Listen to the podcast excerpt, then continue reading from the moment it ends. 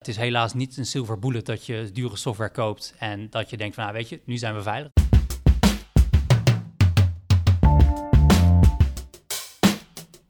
Dit is EY Trends 2019.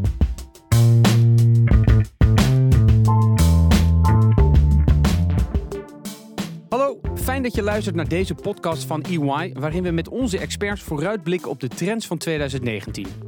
Mijn naam is Frank Kromer en in deze aflevering cybersecurity. Afgelopen jaar was het bijna wekelijks raak. Wie de krant opensloeg kon talloze artikelen lezen over cyberaanvallen, hacks en ransomware attacks. Of het nu de Russen waren die de OPCW in Den Haag probeerden te hacken, de krakers die bedrijven probeerden te gijzelen met Samsam, of het Marriott dat geconfronteerd werd met een datalekken waarbij maar liefst 500 miljoen klanten werden getroffen. Cybersecurity is altijd in het nieuws. Tijd dus om vooruit te kijken. the power grid under cyber threat by Russian government hackers, potentially giving the Kremlin the ability to turn off the light. De Nederlandse militaire inlichtingendienst heeft in april een hackaanval verhinderd van de Russische geheime dienst. un ransomware ou logiciel de rançon avec cadenas et messages en anglais. Tous les ordinateurs de sa société bloqués. Ga erover praten met de cybersecurity experts van EY. Dat is Joost Quist en Jeroen van der Meer. Heren, welkom. Goedemiddag. Goedemiddag. We gaan kijken naar 2019. Wat verwachten jullie? Ik denk artificial intelligence, AI, kunstmatige intelligentie, dat dat wel echt iets is van de toekomst. Hè. Misschien dat 2019 al ietsjes te vroeg is, dat we nog niet kunnen spreken van echt een revolutie, dat opeens alles AI wordt. Uh, maar dat is zeker wel de weg waar we naartoe gaan. En ik verwacht wel voor 2019 dat we zowel gaan zien dat malware steeds slimmer wordt, steeds meer gebruik gaat maken van, uh, van kunstmatige intelligentie, maar ook de defensieve kant, uh, waar wij organisaties ook mee proberen te helpen, is voornamelijk om om sterker te worden en beter te kunnen reageren, dat die ook steeds meer in toenemende mate gebruik kunnen maken van kunstmatige intelligentie. Je hebt het over AI, maar het is voor veel mensen natuurlijk een vaag begrip. Hoe moet ik dat zien met malware? Goede vraag. Uh, ik denk met name dat we moeten, moeten kijken naar het zelflerende vermogen van de computers. Waar we vroeger dus als programmeur een stukje code hebben geschreven en dat als opdracht aan de computer gaven om dat uit te voeren, geven we nu de computer geen code, maar een vraag. Ga op zoek naar een malware, een infectie, een inbraak in dit computersysteem. En hoe die computer dat gaat vinden, gebruikmakend van artificial intelligence, het zelflerende vermogen van die computer, dat maakt ons niet zoveel meer uit. We zijn geïnteresseerd in het resultaat. Maar toch lijkt me dat best wel een black box. Dat klopt. Um, je weet van tevoren niet welke manier het zelflerende vermogen van de computer uh, bij zijn doel gaat komen. Uh, daar kan hij verschillende uh, manieren voor aanwenden. en uiteindelijk maakt het ons ook niet zoveel uit hoe die daar gaat komen. Het gaat om het resultaat. Um, maar hoe kom je daar dan bij? Want op een gegeven moment lijkt me dat je, je hebt hackers, virusmakers, die gebruiken AI. Maar je hebt ook de, de bestrijders, die gebruiken ook AI. Ja, dus ja. hoe gaat dat dan? Nou, een, mooi voorbeeld, misschien een praktisch voorbeeld, zoals je dat misschien ook thuis zal zien. Uh, je hebt natuurlijk ook thuis een, uh, een computer met erop een, uh, een virusscanner. die moet jou beschermen tegen virussen. En nu als aanvaller wil jij er juist voor zorgen dat die virusscanner niet afgaat als hij jou een e-mailtje stuurt met erin dat virus. Dus wat doet hij? Hij maakt een, situatie na waarin hij jouw computer nabootst met erop jouw virusscanner thuis. En hij geeft dan de artificial intelligence, in dit geval het lerende vermogen van de computer, de opdracht. Maak een virus wat niet op deze computer geïdentificeerd kan worden of herkend kan worden. Zodat er geen melding komt en dat het wel uitgevoerd kan worden. En natuurlijk, de eerste keren als hij dat gaat proberen, dan zal de virusscanner nog steeds aanslaan en zal je nog steeds veilig zijn. Maar na meerdere iteraties lukt het, of lukt het de computer om een uh, virus te bouwen, wat dus niet meer gedetecteerd wordt door de hedendaagse antivirus uh, software. Dus eigenlijk gaan we komend jaar nog meer virussen zien met AI. En dan gaan we lopen een klein beetje achter. En dan een paar, noem het weken, maanden, dan hebben we een soort ja, tegengif gevonden om die te bestrijden.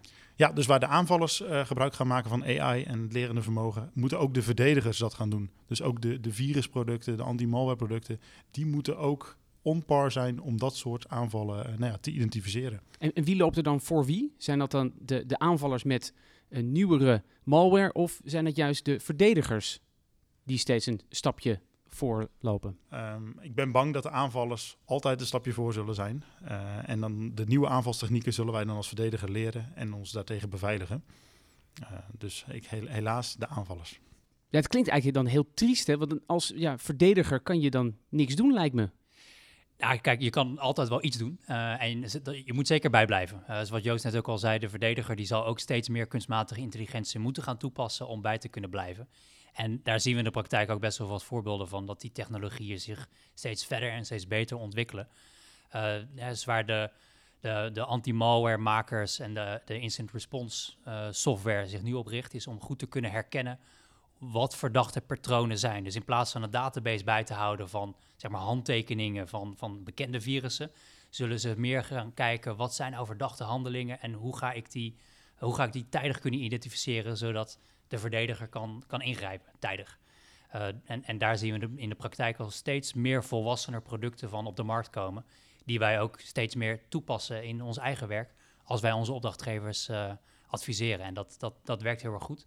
En daarmee word je wel een stukje weerbaarder. Want je bent niet meer echt zo afhankelijk van uh, uh, wat zo'n anti-malware-maker vindt in zijn eigen lab, zodat hij dat kan toevoegen aan zijn product. Maar de software wordt gewoon intelligenter. Eigenlijk gewoon een soort 2.0-versie. En hoe, hoe werkt dat dan? Is het dan net zoals bijvoorbeeld antivirus software die je installeert en die koop je ergens en dan laat je ze lekker zijn gang gaan en die doet wat updates? Het is wel wat meer werk uh, om dat goed te kunnen gebruiken. Want ja, het is helaas niet een silver bullet dat je dure software koopt en dat je denkt van, nou weet je, nu zijn we veilig. Dus hele goede vraag die je stelt. Wat we in de praktijk zien is dat zeker de grote organisaties, die hebben steeds meer mankracht nodig om ook echt goed met die goede tooling om te kunnen gaan. Zodat ze echt iets met die resultaten kunnen gaan doen voordat het echt bruikbaar wordt. Dus ja, je zal wel mensen nodig hebben die de signaleringen die uit zo'n zo'n software komt, om die goed te kunnen analyseren. Dus om de false positives eruit te halen en uh, op basis van de hints die je uit die software krijgt ook je eigen onderzoek te kunnen gaan doen.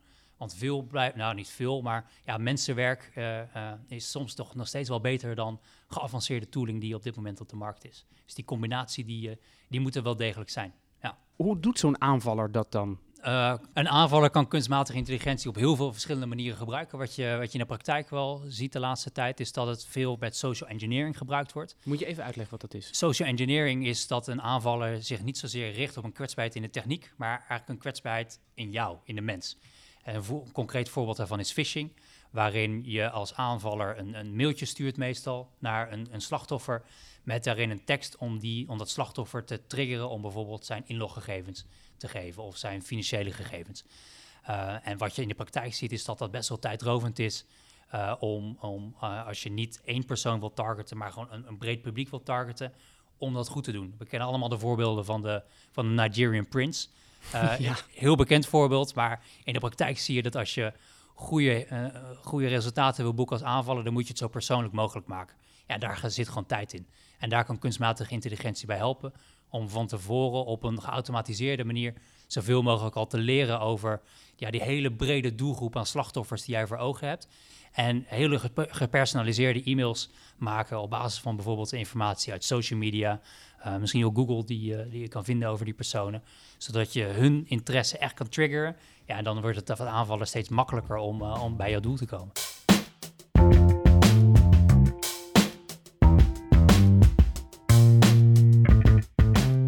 Je noemde net de uh, factor mens eigenlijk, dat de mens best wel een zwakke schakel is. Gaan we dat volgend jaar ook meer zien, dat uh, aanvallers zich puur op ja, de menselijke factor gaan richten? Dat, uh, dat denk ik zeker, ja. Waar we, waar we nu zien dat, dat de computertechnieken en ook de, de middelen die we nu tot onze beschikking hebben steeds beter worden. Dus bijvoorbeeld in het identificeren van, van malware, maar ook het beveiligen van systemen. Tegenwoordig is het niet zo moeilijk meer om je systemen te updaten. Niet zo moeilijk meer in ieder geval ten opzichte van vroeger. zien we nog wel dat de mens een echt hele belangrijke schakel wordt. uit als we naar 2018 kijken, zien we ook dat er verschillende datalekken uh, hebben plaatsgevonden waar de mens een sleutelrol heeft gespeeld. Uh, een persoon uh, die nog even snel wat data op een USB-stickje moet zetten. misschien een CD-rommetje die kwijtraakt, maar ook gewoon papieren mappen met daarin persoonsgegevens. Personen sp spelen daarbij een hele belangrijke rol. en het bewustzijn van de personen.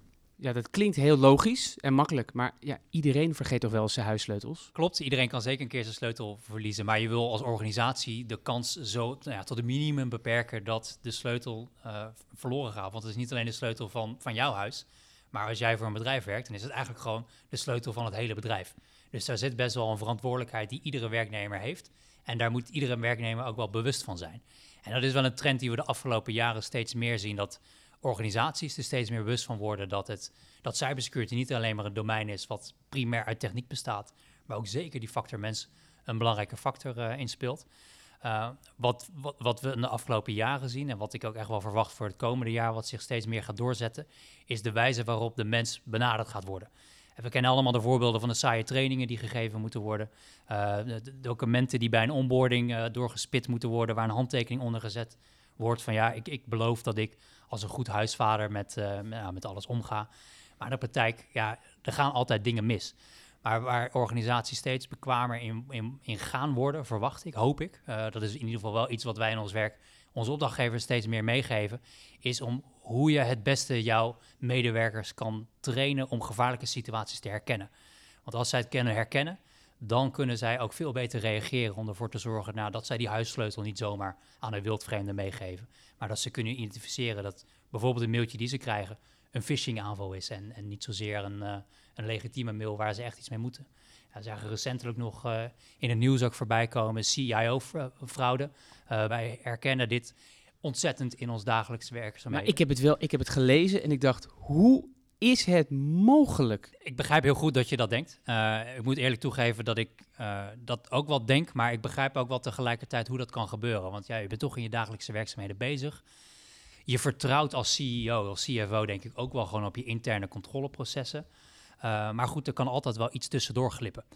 Uh, uh, en dat is iets wat we helaas toch wel bij veel organisaties zien, dat ja, men daar blijkbaar toch niet bewust genoeg van is dat dit soort aanvallen bestaan, hoe je het moet identificeren en hoe je er tijdig op moet reageren. Want dat zag je ook wel terug in de nieuwsberichten. Het duurde best wel lang voordat het geïdentificeerd werd en voordat er uh, gehandeld kon worden. Ja, maar het lijkt me hier toch ook een groter probleem. Want het was niet alleen de CEO, maar het was ook de CFO. Dus ja. Dus er zijn eigenlijk twee mensen tegelijkertijd ingestonken. Nee, klopt. Dat is wat ik benoem ook met die interne processen. Daar ga je ook vanuit dat dat goed verloopt. Uh, ja, ik, ik, ken die interne processen natuurlijk niet, dus het is heel moeilijk voor mij om daar iets over te zeggen. Maar wij zien in de praktijk, het is gewoon een, een bekend probleem, die CEO-fraude. En ja, daar, hoort gewoon goede, daar horen gewoon goede maatregelen bij in de interne beheersorganisatie maar ook uh, beveiligingsbewustzijn en, en de wijze waarop je organisaties en medewerkers meeneemt om dat bewustzijn te creëren.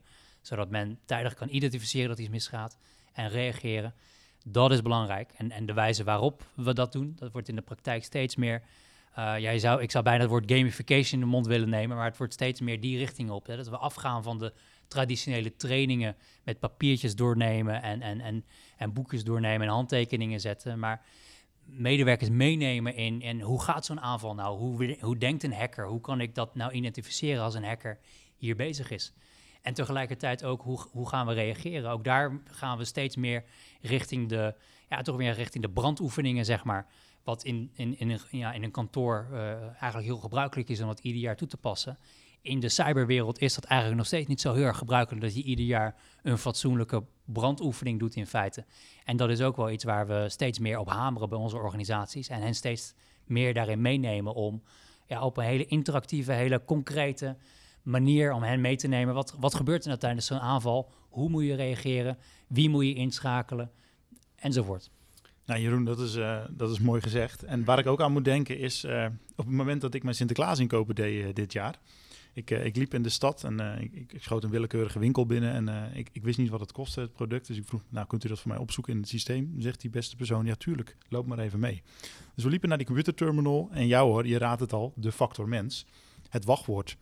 Je zou verwachten, dat is een sterk wachtwoord. Maar nee, niets was, niets was minder waar. Er hing het wachtwoord hing op een post-it aan het beeldscherm en ja, daar stond op welkom 01. Nou, het bekende wachtwoord eigenlijk je ziet nog wel, uh, je, je, denkt wel dat het niet voorkomt, maar uh, zelfs een paar weken terug nog, tijdens de, de kerstinkopen en de Sinterklaasinkopen, zien we gewoon dit ook nog in, in de praktijk, in een simpele winkel, misschien wel bij jou om de hoek. Uh, dus dit is niet iets, dit is geen ver van je, van je bedshow. Dit is niet alleen maar bij grote bedrijven, bij CEO-fraude. Dit is ook gewoon bij de kleine kruideniers. Ik hoorde net het woord gamification. Kunnen jullie me een voorbeeld geven van hoe dat nou echt concreet in zijn werk gaat? Ik hoorde net, ja, dan krijg je een nepmailtje en dan ga je kijken of werknemers erop klikken of niet. Maar het neem ik aan, het gaat veel verder. Ja, uh, gamification, ja, dat, dat, dat is eigenlijk een verzamelwoord. Uh, zelf spreek ik liever over simulatie. Um, een mooi voorbeeld daarvan is een, een hackpoging die plaatsvindt. Jeroen had het net al eventjes over, de- over de brandoefeningen die je kan doen. Maar wat gebeurt er nu als jij daadwerkelijk wordt opgebeld door een aanvaller en die zegt: Ik heb jouw eh, klantdatabase in handen? Hoe reageer je dan? Natuurlijk heb je op papier in beleid en procedures beschreven wat je moet doen als een aanvaller jouw data heeft gestolen of in, in handen heeft. Bijvoorbeeld versleuteld heeft door middel van eh, de Samsung-malware die we dan nu zien. Maar die procedures en dat beleid, die staan op diezelfde server. Die zijn ook versleuteld. Dus jouw handboek, jouw procedures die je eigenlijk zou moeten volgen, die kan je niet meer bereiken omdat die verdwenen zijn, want die aanvaller heeft ze ook in handen. Op het moment dat je daarachter komt, als bijvoorbeeld CEO zijnde of, of als, als cyberboard binnen een bedrijf, dan gaan er wel wat lampjes branden en denk je van oké, eh, maar als dit een echte aanval had geweest, dan hadden we dus ook op papier misschien de procedure moeten hebben. Of we moeten aanvullende maatregelen treffen om dit in de toekomst te gaan voorkomen. Dus eigenlijk door het simuleren van daadwerkelijke aanvallen, het kan zowel zijn een, een aanval van de Samsung-malware of een, een groot datalek wat plaatsvindt. Door dat te simuleren kan je er ook beter op voorbereiden als het echt gaat gebeuren in de toekomst.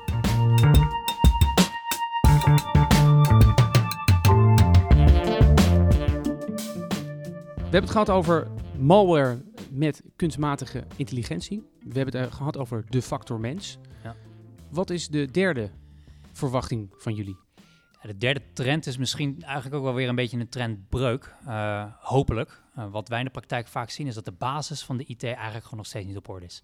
En dat ja, is meestal toch ook wel de kern van een, een incident wat plaatsvindt. Dus denk gewoon aan beveiligingspatches die niet zijn geïns- geïnstalleerd. Eh, Joost noemde al het voorbeeld van een welkom 01 wachtwoord. Je wil niet weten hoe vaak we dat wachtwoord nog tegenkomen onze opdrachtgevers.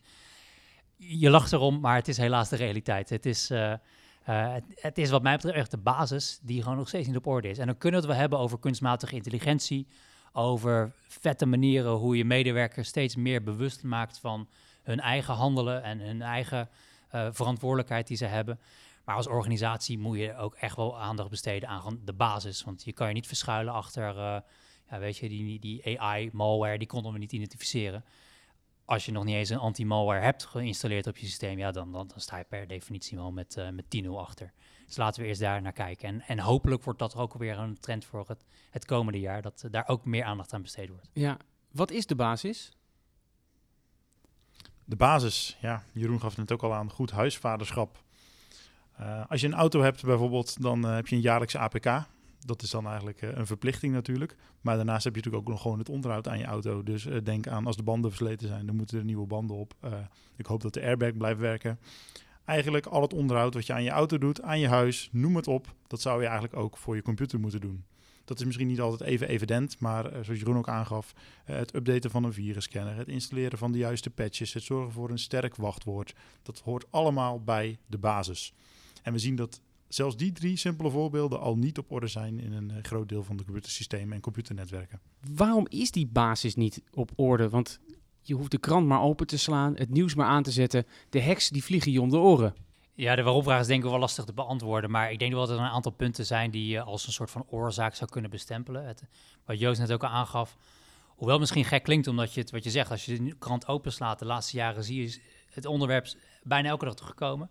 Maar toch, als je kijkt, is het nog steeds best wel een nieuw onderwerp. Dus ik kan me heel goed voorstellen dat organisaties gewoon binnen de hele context van digitalisering nog steeds wel een beetje aan het struggelen zijn.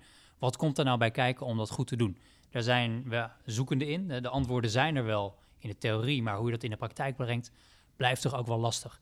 En zeker de organisaties waar wij langskomen, die hebben te maken met overnames bijvoorbeeld. Dus dan krijg je weer vreemde apparatuur die samengevoegd wordt met je eigen apparatuur. Ja, dat is toch anders. Uh, uh, andere merken, uh, andere beheerders hebben daaraan gewerkt.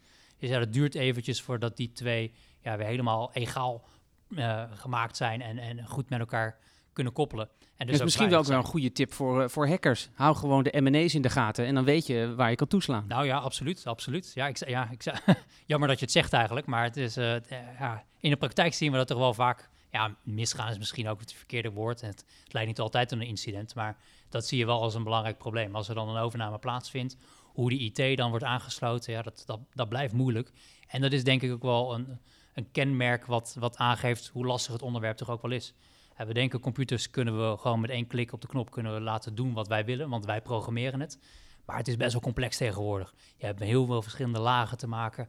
Uh, ja, hoe je dat allemaal op elkaar aansluit, dat, uh, dat, ja, dat, dat is helaas een vak apart. En, daar, en dat blijft ook mensenwerk. Dus waar mensenwerk uh, is, ja, dan... Het is een cliché, maar er worden fouten gemaakt. Absoluut. Ik, begrijp het. Um, als jullie kijken naar jullie uh, ervaring en, en, en, wat jullie tegenkomen in het veld, zijn het dan vooral de grote corporates die problemen hebben met de basis of ja, het MKB? Ik denk allebei. Ja, er is geen onderscheid. Nee, nee, ik vind het ook moeilijk om te zeggen. Uh, nou, je, ziet wel bepaalde branches dat je daar wel wat onderscheid in kan maken. Dus de financiële sector is over het algemeen wel iets volwassener. Uh, dan zie je ook gewoon dat er vanuit de hele branche wordt er ook best wel streng naar cybersecurity gekeken.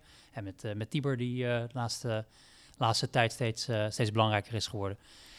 Um, dat heb je niet in elke sector. Uh, en uh, ja, voor de ene sector is cybersecurity ook wel iets relevanter risico als een ander. Dus bijvoorbeeld bij organisaties die veel intellectual property hebben, die willen dat beschermen. En dan zie je ook dat vanuit verschillende geografische regio's, uh, zeker als er geld te halen valt, ja, dan wordt het voor die regio's wordt het interessant om eens te kijken wat voor intellectual property wordt er hier in Nederland uh, ontwikkeld. Nou, dan, is hacking een van de manieren om daarbij te komen. Zeker bij de grote farmaceuten en dergelijke en de, in de life sciences sector daar zie je dat ze dreigingen wel heel erg, uh, heel erg sterk toenemen. En in andere sectoren is het risico van cyber ietsjes minder. Behalve dan dat je natuurlijk wel gewoon de, de reguliere risico's hebt dat je hele dienstverlening plat kan gaan als je veel afhankelijk bent van, uh, van, van, van digitalisering en van, van IT. Ja, en wat we ook laatst nog hoorden, althans laatst. Vroeger was meestal het argument, we kunnen altijd nog terug naar papier. Nou, en, en dat vind ik altijd wel een mooie uitspraak. die kan je tegenwoordig wel, wel challengen. Uh, en zeggen van oké, maar eh, prima, je computer doet het vanaf vandaag niet meer. Hoe ga je dan morgen met 200 man in bijvoorbeeld een kantoorgebouw verder? Hoe ga je dan werken? Daar hebben ze toch meestal geen antwoord op. Het is anno 2018 en zeker 2019 niet meer mogelijk om terug te gaan naar papier. Uh, je, aanle je leveranciers die werken ook niet meer op papier, die werken ook digitaal. Je afnemers werken ook niet meer op papier. Dus alles wordt steeds digitaler, geen papier meer, geen optie meer. Dus het moet ook gewoon van, van, klein, van klein bedrijf tot grote, grote corporate moet het gewoon goed op orde zijn. Ja. En zeker nu het ook in, toenemende mate terug ziet komen in wet en regelgeving. Nou, ik denk bijvoorbeeld aan de AVG die dit jaar ook in, uh, in, in, werking is getreden. Vanuit die wet wordt ook gewoon een, adequate, een adequaat beveiligingsniveau vereist vanuit de wet. Hè. Dus als je nu ook al ziet dat het in de wet steeds meer verankerd wordt, ja, kan er als organisatie ook niet meer omheen om daar kritisch naar te laten kijken.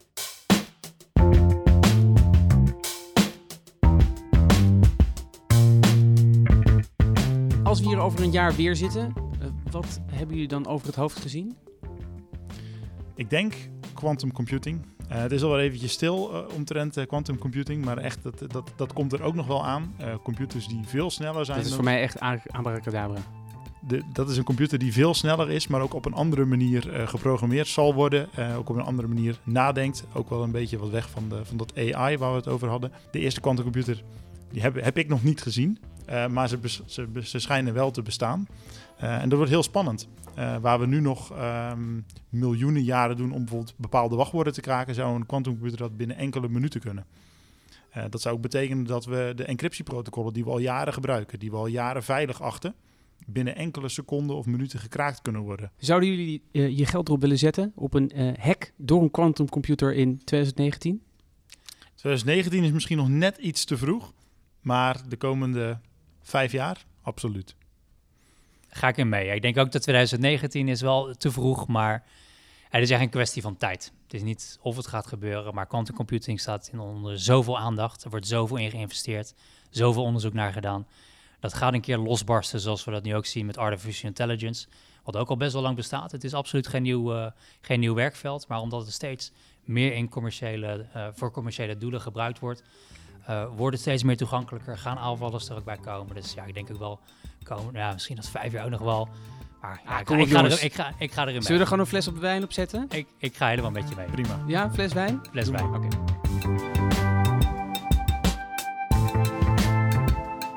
Kortom, volgend jaar gaan we veel meer zelflerende malware zien die constant op zoek gaat naar dat ene gaatje in jouw verdedigingslinie.